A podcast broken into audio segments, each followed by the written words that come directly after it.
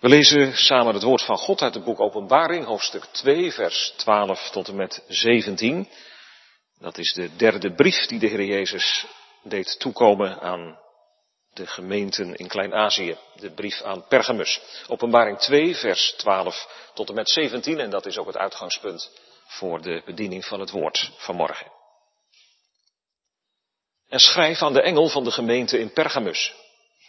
Dit zegt hij die het tweesnijdende scherpe zwaard heeft. Ik ken uw werken en weet waar u woont, namelijk waar de troon van de Satan is. U houdt vast aan mijn naam en u hebt het geloof in mij niet verlogend. Zelfs niet in de dagen van Antipas, mijn trouwe getuige, die gedood werd bij u waar de Satan woont. Maar ik heb enkele dingen tegen u Namelijk dat u daar mensen hebt die zich houden aan de leer van Biliam. Die Balak leerde voor de Israëlieten een struikelblok neer te leggen. Opdat zij afgodenoffers zouden eten en hoererij bedrijven. Zo hebt u er ook, die zich houden aan de leer van de Nicolaïten. En dat haat ik. Bekeer u. En zo niet, dan kom ik spoedig bij u en zal ik tegen hen oorlog voeren met het zwaard van mijn mond. Wie oren heeft, laat hij horen wat de geest tegen de gemeenten zegt. Aan wie overwint, zal ik van het verborgen manna te eten geven. En ik zal hem een witte steen geven, met op die steen een nieuwe naam geschreven, die niemand kent dan wie hem ontvangt. Tot zover de schriftlezing. Zingen we na het amen van de bediening van het woord uit Psalm 25, vers 7. Gods verborgen omgang vinden zielen waar zijn vrees in woont. We horen van het manna dat verborgen is, dat heeft ook hiermee te maken. Psalm 25, vers 7. Gemeenteres Heren, de derde gemeente waaraan de Heer Jezus een brief doet toekomen, is de gemeente van Pergamus. Gemeente, een plaats waar op dat moment zo'n 120.000 mensen wonen. Je kunt deze stad met recht een afgodische stad noemen. In Pergamus stond de tempel van Asclepios, de god van de gezondheid. Jongens en meisjes, sommige dokters hebben voor in hun auto een sticker geplakt. En dan zie je een paaltje met daaromheen een slang gekronkeld. Daaraan kun je zien dat het een dokter is. Dat noem je het esculaapteken. Esculaap Asclepios. Dat is die, die god van de gezondheid. Dus ook van de toenmalige dokters. Die geloofden in deze god van de gezondheid. Ik zal, ik zal niet zeggen natuurlijk dat dokters dat vandaag nog geloven. Maar het is wel het teken van de medische stand gebleven. Dus die boom waaromheen zich een slang kronkelt, dat was in de oudheid een een symbool van het eeuwige leven. Dan denk je misschien, hoe komen ze daar nou bij? Nou, een slang die kan zichzelf in de staart bijten en dan heb je de cirkel die rond is. En dat was dan een symbool van het eeuwige leven. Heel anders dan in de Bijbel. In Pergamus stond een tempel voor de dienst aan deze God van de gezondheid.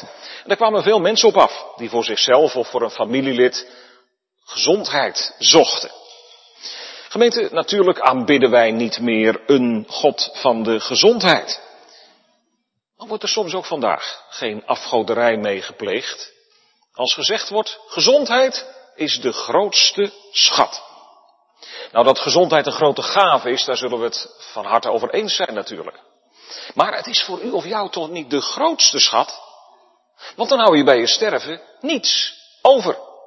Heel anders dan als Christus de grootste schat in je leven is geworden. Je kwam nog meer tegen daar in Pergamus. De stad lag op een heuvel van zo'n 300 meter hoog. En als je dan kwam aanlopen vanuit de verte, dan zag je al het grote altaar voor de oppergod Zeus liggen. Van 40 bij 40 meter. De stad was een centrum van cultuur en ontwikkeling. Pergamus kreeg grote bekendheid door het perkament dat daar uit geitenvellen werd gemaakt. En mede door dit perkament beschikte men in deze stad over een van de grootste bibliotheken uit de oudheid. In deze bruisende stad is door Gods genade een gemeente van de Heer Jezus Christus ontstaan. En we gaan de brief van de heiland aan deze gemeente lezen onder het thema Christus brief aan Pergamus. Die spreekt in de eerste plaats van een trouwe gemeente. Vervolgens van een ernstige dwaalleer. En tenslotte van een dubbele belofte. Dus Christus brief aan Pergamus, een trouwe gemeente, een ernstige dwaalleer en een dubbele belofte. In elke brief van de zeven stelt de koning van de kerk zich eerst aan zijn gemeente voor. Voor de gemeente van Pergamus is hij haar bevrijder, maar ook haar strijder. Dit zegt hij die het tweesnijdende scherpe zwaard heeft.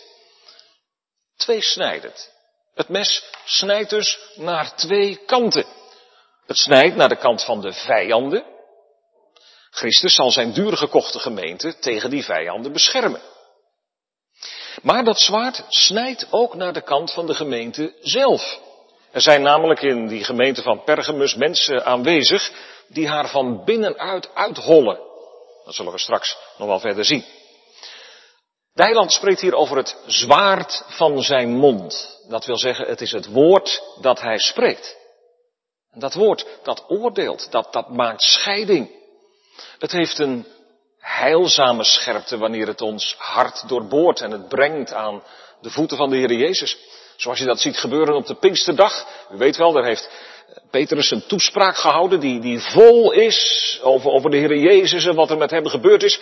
En dan laat hij die toespraak uitlopen als een soort pijl met een punt gericht op zijn hoorders. Deze Jezus die jullie gekruisigd hebben.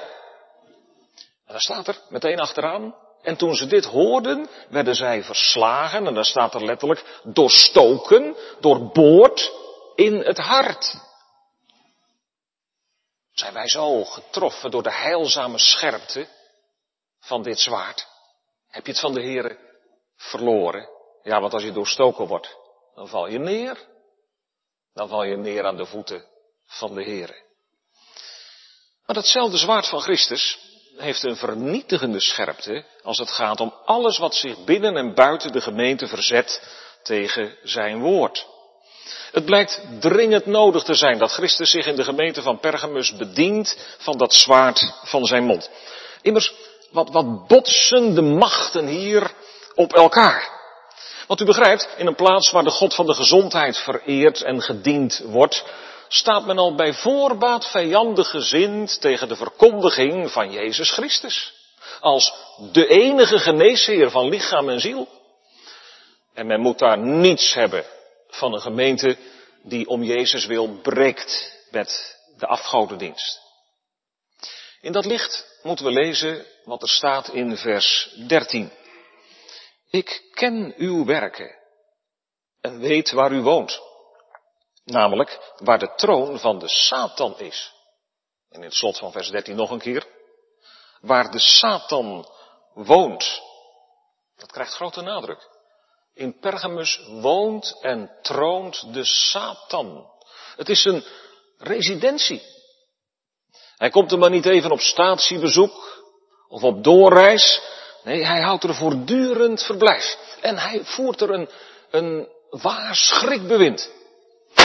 De troon van Satan is daar waar de overheid eist dat christenen zullen neerknielen voor het borstbeeld van de Romeinse keizer en daar wierook aan zullen offeren. Dat symbool van de almachtige staat. De troon van Satan is daar waar de afgod Asclepios troont in zijn tempel. Daar zoeken mensen hun heil niet bij Christus, maar bij een God die door mensenhanden is gemaakt. De troon van Satan is daar waar mensen hun ziel en hun lichaam verslingeren aan hoererij en ontucht. Zich uitleven in hun eigen lusten. Pergamus was er vol van. Wel, in zo'n plaats bevindt zich nu de gemeente van Christus. Maar ik weet waar u woont. Ik ken uw adres. Is dat geen geweldige troost? Ook vandaag, nu wij leven in een land waar het moderne heidendom heel snel oprukt. U, jij die werkelijk christen bent geworden door wedergeboorte, een kind van het licht, wat kan het aan je knagen? Als je de geestelijke duisternis om je heen ziet. Als je merkt dat je hoe langer hoe meer een vreemde eend in de bijt bent. Christus zegt, ik weet waar u woont. Zoals wij dat kunnen zeggen als we ergens in een plaats komen die we verder niet zo goed kennen, maar er is één adres dat we weten te vinden. Zo zegt de Heer tegen zijn volk in die goddeloze plaats. Ik ken uw adres. U bent een gekende van mij. En ik weet wel dat je op het grondgebied van de boze woont. Ik weet dat je het daar moeilijk hebt. Maar ik roep je op om daar trouw te zijn en te getuigen van mij die je riep uit die duisternis van deze wereld naar mijn wonderbaar en heerlijk licht. Gemeente, we proberen de lijn een beetje door te trekken. Hoe ziet eigenlijk het heidendom van deze tijd eruit? In onze westerse maatschappij, want daar leven wij volop in. Het komt sterk overeen met het oude heidendom in Pergamus en omgeving, ook al is het in een ander jasje gestoken. En dat hoeft ons natuurlijk helemaal niet te verbazen, want de mens verandert niet in zijn weerstand tegen God en in zijn vluchtpogingen bij God vandaan. Neem bijvoorbeeld dat hot item vandaag. Vrijheid. Het wordt ons van alle kanten voorgehouden. Het is jongeren de lucht die je, die je inademt. Je moet los zijn. Los van elke binding. Vrijheid is het hoogste goed. Los van overheidsgezag. Los van je ouders. Los van het gezag van de Bijbel ook. Vrijheid is dat je het huwelijk op de helling zet. Dat je net zo goed ongehuwd kunt gaan samenwonen of een driehoeksverhouding kunt aangaan. Of er zijn natuurlijk nog veel meer relaties mogelijk. Het is zo gek niet te bedenken of het is er vandaag. Je moet gewoon doen wat in je opkomt. Vooral op het gebied van relaties en seksualiteit. Verlustig je in pornosites. Ga naar bed met je vriend, met je vriendin, ook al ben je niet getrouwd. Ben je 16 en ben je nog nooit naar bed geweest met een jongen of met een meisje? Dan loop je hopeloos achter. Niet te geloven als je dat niet gedaan hebt. Via de media van tv en radio en boek en internet worden de bijbelse normen en waarden schaamteloos afgebroken. De vereniging uit vrije wil wil bevorderen dat je als 70-plusser zelf het moment kunt bepalen dat je eruit stapt. Wij bepalen ook zelf of een kind welkom is en zo niet, dan laten we het weghalen. Alleen al in ons land gebeurt dat 30.000 keer per jaar. Alles moet los, los van enige binding, los van het woord van God. In zijn reden over de eindtijd zei de Heer Jezus, doordat de wetteloosheid zal toenemen, zal de liefde van velen verkillen. Nou gemeente, dat, dat zien wij toch voor onze ogen gebeuren. Je moet wel stekenblind zijn. Als je dat niet ziet. Het is een vulkanische uitbarsting van goddeloosheid vandaag. Maar voor de aswolk die dat met zich meebrengt, zijn tallozen blind.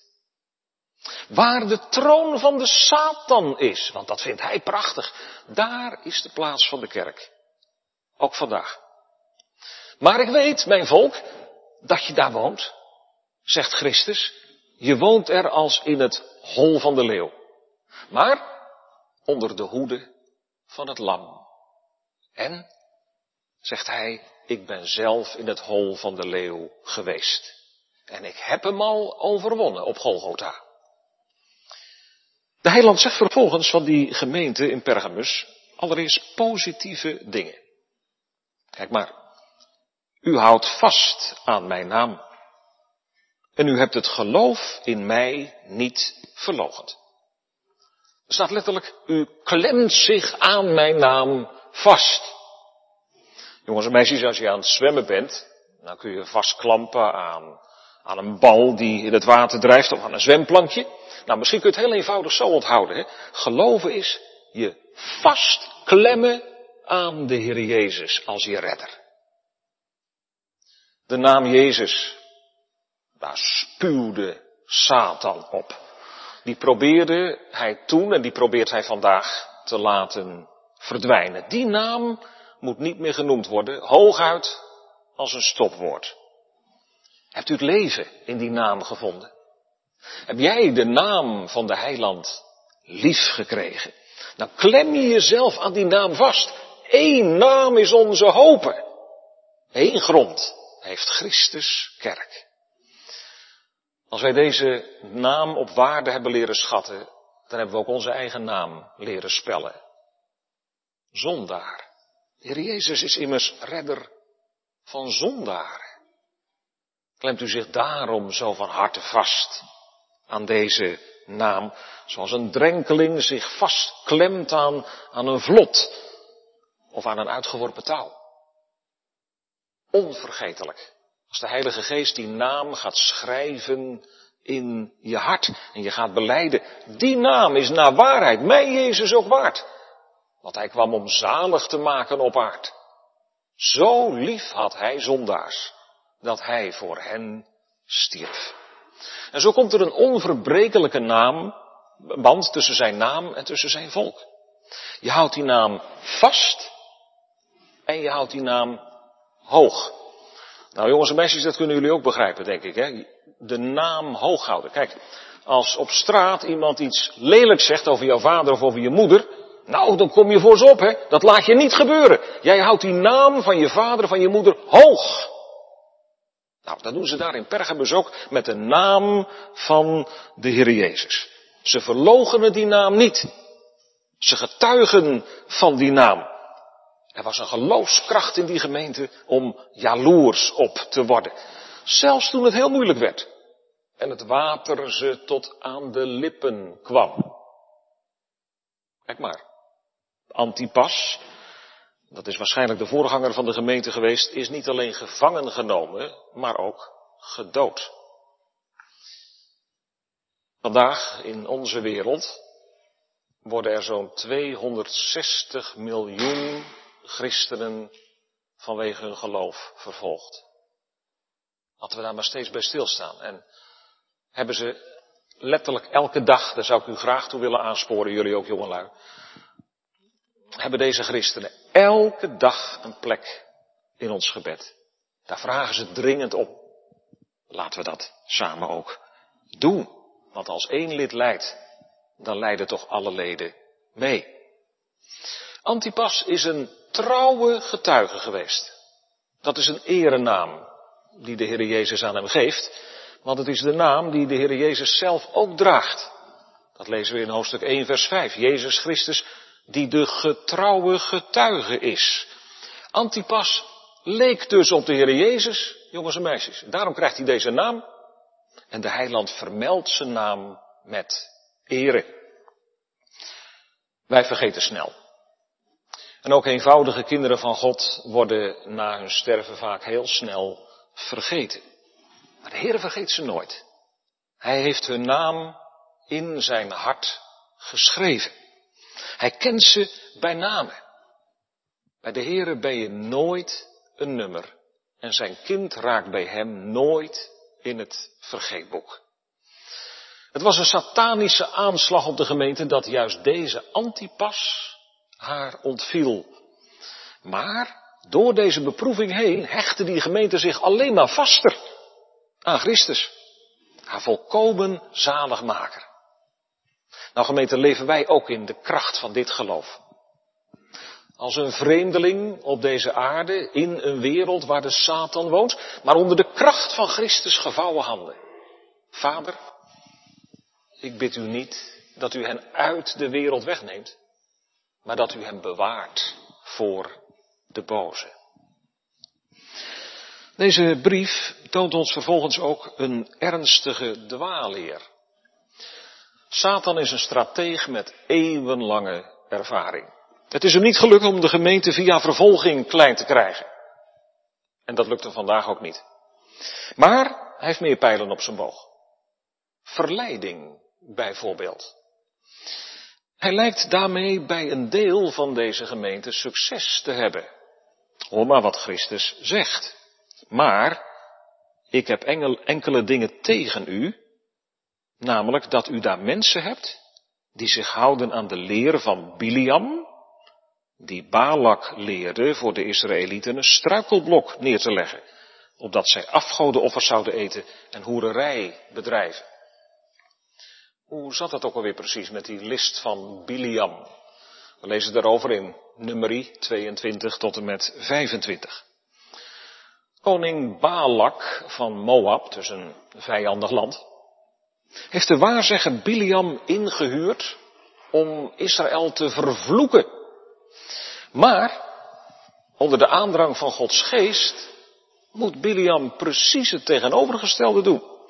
Tegen zijn zin in zegent hij het volk, in plaats van dat hij het vervloekt. Nou, het zint Biliam zelf ook helemaal niet, en daarom neemt hij wraak. Je zou kunnen zeggen, hij wil wraak nemen op de Heilige Geest. Hij adviseert koning Balak om een groot feest te organiseren. En voor dat afgodsfeest worden ook de Israëlieten uitgenodigd. Balak stuurt een aantal Moabitische vrouwen naar het legerkamp van Israël om de mannen in te palmen. En zo gebeurt. Er wordt een gezellig feest georganiseerd en binnen de kortste keren liggen die Moabitische meisjes bij de Israëlitische mannen in bed. Satan heeft zijn slag geslagen. Hij overwint niet met vliegend vaandel en slaande trom, niet met een tot de tanden toe bewapend leger, maar door een aantal Moabitische vrouwen. Israël eet en hoereert, zegt vers 14. En hoererij betekent hier twee dingen. In de eerste plaats natuurlijk letterlijk overspel. Maar ook knielen voor andere goden. Dus de Here verlaten. Dat kom je met name in het Oude Testament tegen, dat afgoderij door de Here getypeerd wordt als hoererij. Want de Here is Israëls enige wettige echtgenoot. En als Israël zich dan afgeeft met andere goden, dan pleegt het hoererij. Dat zit er onmiddellijk aan vast. Die Nicolaïten die in vers 15 genoemd worden, die bepleiten in Pergamus precies zo'n levenshouding. Ze zeiden, met de wereld om je heen moet je een deal sluiten. Als je de Heer maar toebehoort, met je ziel, dan is het eigenlijk niet zo belangrijk wat je verder met je lichaam doet. Want het lichaam is toch maar minder waarde. Dat sterft straks toch. Dus maak daar maar wat plezier mee in deze wereld. En nog, die wereld is zo slecht nog niet. En die meisjes uit de wereld, die zijn zo mooi en zijn zo aardig. Laten we het op een akkoordje gooien. Het moet allemaal niet zo zwart-wit. Ook vandaag niet. Je kunt toch best een beetje meedoen met de wereld. En, en je kunt op zo'n feestje misschien nog wel evangeliseren ook. En dat wordt dan ook nog wel eens als een argument gebruikt. Ja, ik hoor er eigenlijk misschien wel niet, maar ik kan misschien wel over Jezus praten. Laat alsjeblieft toch zien dat christenen niet zulke saaie pieten zijn als waarvoor ze altijd uitgemaakt worden.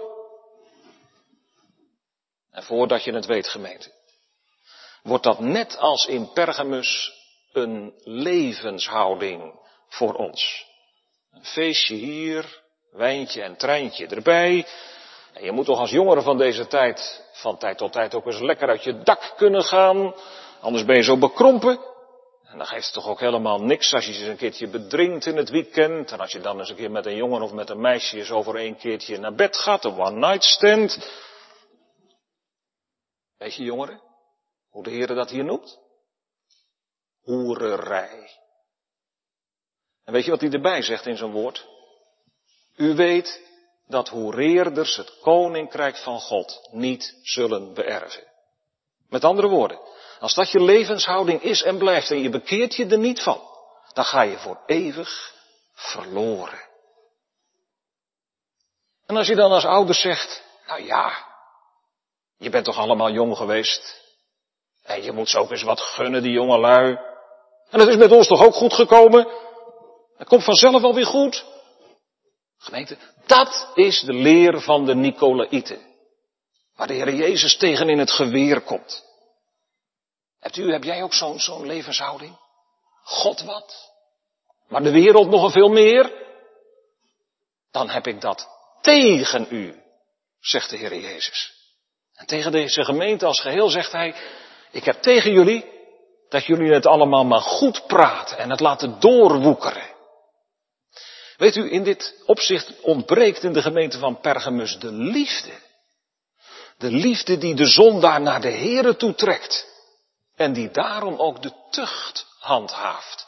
Want tucht komt van een woord dat betekent trekken. Trekken naar de Here toe. Gemeente, als wij alles maar gaan tolereren en goed praten op het gebied van huwelijk en relaties en seksualiteit, dan zitten we op het verkeerde spoor. En dat is een groot gevaar vandaag, want we weten allemaal in wat voor wereld wij leven. En jongelui hebben het daar vaak heel moeilijk mee. Dat begrijp ik. Want alles is normaal. Dat wordt je gepresenteerd. Dus het valt niet mee om tegen de stroom in te gaan. Nou, laten we dan naar dit woord van de Heer Jezus luisteren. Deze vermaning ons aantrekken. Hij roept dan ook heel duidelijk op tot bekering. Kijk maar, bekeer u. Hou op met die aanpassingspolitiek. Met die halfslachtigheid. Als ouders tegenover je kinderen. Als jongeren tegenover je vrienden. Als gemeenteleden onderling. Keer je af van deze verderfelijke dwaalleer en keer terug naar het zuivere woord van God. Het evangelie in al zijn helderheid en radicaliteit. Ook als het over onze relaties gaat. Je bekeren, dat is volgens het oorspronkelijke woord totaal anders gaan denken en doen. Met de rug naar de zonde gaan staan en met je gezicht naar de Heere. Wat wilt u dat ik doen zal? Bekeer u, zegt de Heer, en dan wordt er een werkwoordsvorm gebruikt die laat zien, het kan geen uitstel leiden. We krijgen geen bedenktijd. Kijk maar. En zo niet, dan kom ik spoedig tot u. En ik zal tegen hen oorlog voeren met het zwaard van mijn mond. Gemeente, als wij de Heer Jezus van harte toebehoren, dan hoeven wij niet bang te zijn voor het zwaard van de wereld. Wees niet bevreesd voor hen die het lichaam wel kunnen doden, maar de ziel niet kunnen doden. Wees veel meer bevreesd voor hem die beide, zowel ziel als lichaam, kan verderven in de hel, zegt de Heer Jezus zelf. Vrees het tweesnijdende zwaard van Christus. Misschien denkt of zegt iemand vanmorgen, is dat nou evangelie? Een Christus die met een zwaard dreigt. Maar wat denkt u? Waarom zou Christus dat zwaard van zijn mond opheffen? Omdat hij onze ondergang zoekt? Nee, juist niet. Juist omdat hij ons behoud zoekt. Hij zweert het zelfs. Ik heb geen vreugde in de ondergang van de goddelozen. Maar daarin heb ik vreugde dat de goddeloze zich bekeert van zijn weg en leeft. Weet u, weet jij je misschien aangesproken in je halfslachtige wereldse levenshouding? Ga tot de Heere. Pleitend op dat woord, dat Hij vreugde heeft in je bekering. Gemeente, het is ook vandaag kiezen of delen. Dat is alle eeuwen door hetzelfde geweest. Het was vroeger al zo in de tijd van Elia. Is Baal God? Volg hem dan na. Is de Heere God? Volg hem dan na. En ook vandaag staan wij voor die keuze. Is de Heere God? Volg hem dan na. Of is het geld je God? Of je gezondheid? Of seksuele begeerte? Of sport? Of wat dan ook maar. Volg dan die God na. Ja, zo spreekt de Heer. Maar intussen dringt hij er met alle liefde van zijn hart op aan. Maak alsjeblieft de goede keuze. Wend je naar mij toe, alle einden van de aarde, en word behouden. Zoek mij en leef. Om dat te onderstrepen, eindigt de brief met een dubbele belofte. De eerste is deze. Aan wie overwint, zal ik van het verborgen manna te eten geven. Aan wie overwint. Ja, het is een strijd. Maar overwinnen is blijven bij het geloof en breken met de zonde. Steeds opnieuw. Dat is overwinnen. Aan wie overwint zal ik van het verborgen manna te eten geven. Toen de Heere Israël uit Egypte verlost had, leidde hij hen verder door de woestijn naar het beloofde land. In die woestijn werden ze gevoed met manna uit de hemel. De kinderen weten dat wel, hè? De Heer liet van die, van die korreltjes neerkomen in de nacht. En als de Israëlieten dan s morgens wakker werden, dan lag dat hele veld voor hen bezaaid met die, met die korreltjes in dat hele legerkamp. En dan konden ze daar brood van bakken. Dat mocht het volk nooit vergeten. Ook niet als ze al lang in het beloofde land zouden zijn gekomen. En daarom zei de Heer tegen Mozes en Aaron, jullie moeten een beetje van dat manna nemen en in een kruikje doen en dat in het heilige der heiligen plaatsen. Later is die kruik met dat manna in de ark van het verbond geplaatst, in dat allerheiligste. En die ark was het symbool voor Gods genadetroon. Dat manna, verborgen in die ark, verkondigt ons aan Gods genadetroon is het hemelse brood te vinden. En dan mogen we denken aan de woorden van de Heer Jezus in Johannes 6. Ik zeg u, niet Mozes geeft u het brood uit de hemel, maar mijn Vader geeft u dat ware brood uit de hemel. Want het brood van God is Hij die uit de hemel neerdaalt en aan de wereld het leven geeft. Heer Jezus Christus is nu als het ware brood, als het ware nog verborgen in Gods genadetroon in de hemel. Wij zien Hem immers nog niet. Maar Hij verzekert ons, als wij tot Hem komen met, met een lege hand, aan wie overwint, zal ik van het verborgen manna te eten geven. Als wij Hem smeken, Heere, geef mij altijd dit brood, dan zullen we het ontvangen. Dat wil zeggen, dan krijg je deel aan de Heer Jezus en aan al zijn schatten en gaven. Wie dit brood eet, dat wil zeggen wie zich gelovig aan Hem toevertrouwt, zal tot in eeuwigheid leven. Dit levende brood is verborgen bij God. Maar hij zorgt er zelf voor dat zijn volk ervan kan leven. Elke dag weer. Door het geloof. Dagelijks begenadigd. Met Christus, het hemelse brood, verzadigd.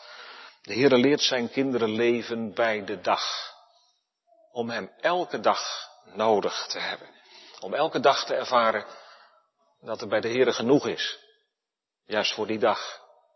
Genoeg troost, kracht, wijsheid, bemoediging vergeving, uitzicht, teerkost onderweg naar het avondmaal van het lam.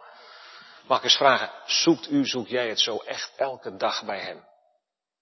Dat je daar elke dag een poosje de tijd voor neemt. Gemeente, ik weet het en ik hoor het heel veel om me heen.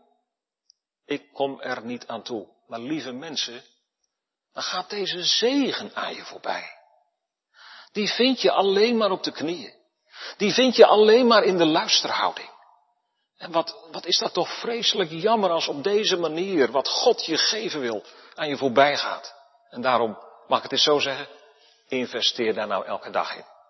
Dat zal de Heer niet ongezegend laten. De tweede belofte is deze. En ik zal hem een witte steen geven. Met op die steen een nieuwe naam geschreven, die niemand kent dan wie hem ontvangt. Het beeld van de steen is ontleend aan de rechtspraak in de oudheid. Het veroordelen of vrijspreken van een aangeklaagde gebeurde door middel van een steen. Nou jongens en meisjes, ik heb er maar eens een paar meegenomen. Haalde de steen, de rechter, een zwarte steen tevoorschijn, kijk maar. Dan werd jij veroordeeld. Dan moest je de gevangenis in. Maar haalde hij een witte steen tevoorschijn, dan werd je vrijgesproken. Dan hoefde je niet de gevangenis in. Gemeente, nou hebben wij allemaal hoofd voor hoofd de zwarte steen verdiend. Als u, heren, de ongerechtigheden in gedachten houdt. Heren, wie zal bestaan? nu is de wezenlijke vraag. Zijn wij met alles wat ons aangeklaagd, aanklaagt, naar de zoon van de rechter gegaan. De Heer Jezus. die hij als advocaat voor zondaren gegeven heeft. Dat is beslissend. Eens zal de Heer Jezus voor de ogen van heel de wereld zijn volgelingen rechtvaardigen. Hij nam hun zwarte steen over. Hij nam het oordeel op zich. En hij reikt zelf aan de overwinnaars de witte steen uit. Nee, je pakt hem zelf niet, maar je krijgt hem uitgereikt. Door de Heer Jezus. Leven van gegeven goed. Ongedachte vrijspraak. U kent die uitspraak van Luther wel. Heer Jezus, wat een vrolijke ruil is dat. U mijn zonde. En ik uw gerechtigheid. Hij het zwart. Ik het wit. Juist wanneer Satan mij bestookt. Als alles mij aanklaagt dat ik tegen al de geboden van God zwaar gezondigd en geen daarvan gehouden heb. En nog steeds tot al het verkeerde geneigd ben. Toch een witte steen. De toegang tot Gods eeuwig koninkrijk. Wit. Volkomen rein. In Christus alleen. Wat een wonder. En op die witte steen een nieuwe naam. Wie tevoren een kind van de toren was, mag nu een kind van God heten. Ik denk even aan Jacob. Hij wilde delen in de zegen van de Here. Maar God liet hem niet zomaar het beloofde land binnengaan. Hij had nog een rekening met Jacob te vereffenen. De Heere bracht hem eerst tot schuldbeleidenis. Hoe is uw naam? vraagt de Heere. Ja, dan moet hij het zeggen. Jacob. Onze meisjes, je weet het wel, hè, wat dat betekent, denk ik. lichter. Hij hield de hiel van zijn broertje vast. lichter. Bedrieger. Zo wordt het ook wel weergegeven. Zondaar. Ik ben het niet waard dat u aan mij denkt. Ik verdien het niet om het beloofde land binnen te gaan. Gemeente, kennen wij dat nou ook?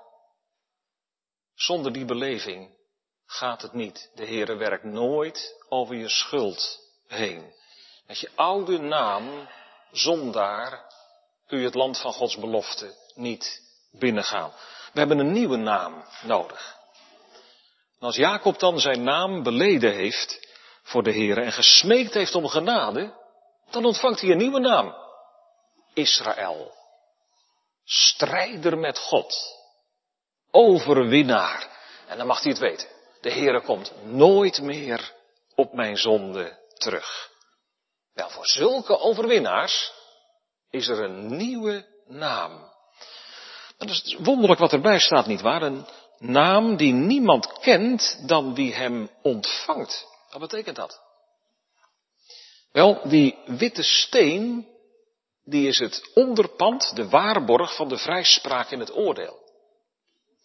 En zo is die witte steen het symbool van de Heilige Geest, die in de Bijbel ook waarborg, garantie wordt genoemd.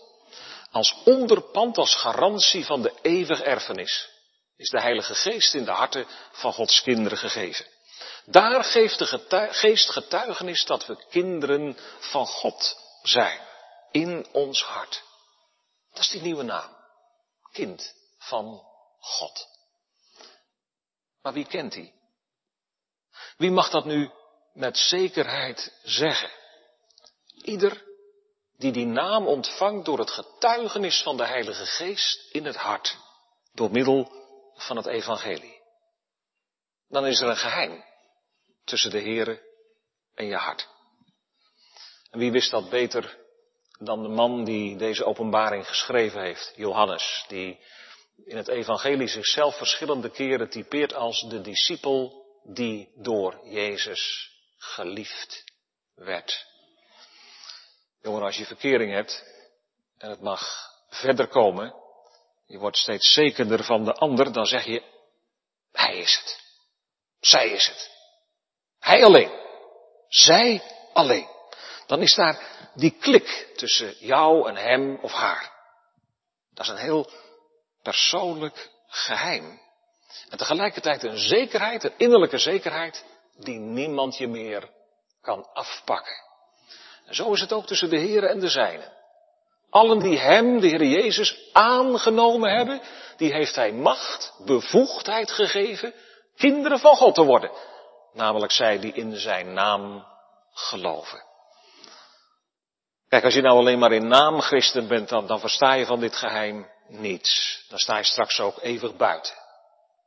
Maar als je een levend lid van het lichaam van Christus bent geworden, dan versta je het. Christus heeft met zijn bruidskerk een liefdesgeheim. Hij fluistert door zijn geest haar die nieuwe naam toe, die hij alleen kan en mag en wil geven. Mijn eigendom. Jij bent van mij. De Heer belooft het. Mijn volk zal mijn naam aanroepen en ik zal het verhoren. En ik zal zeggen, het is mijn volk. En dat volk zal zeggen, de Heere is mijn God. Amen.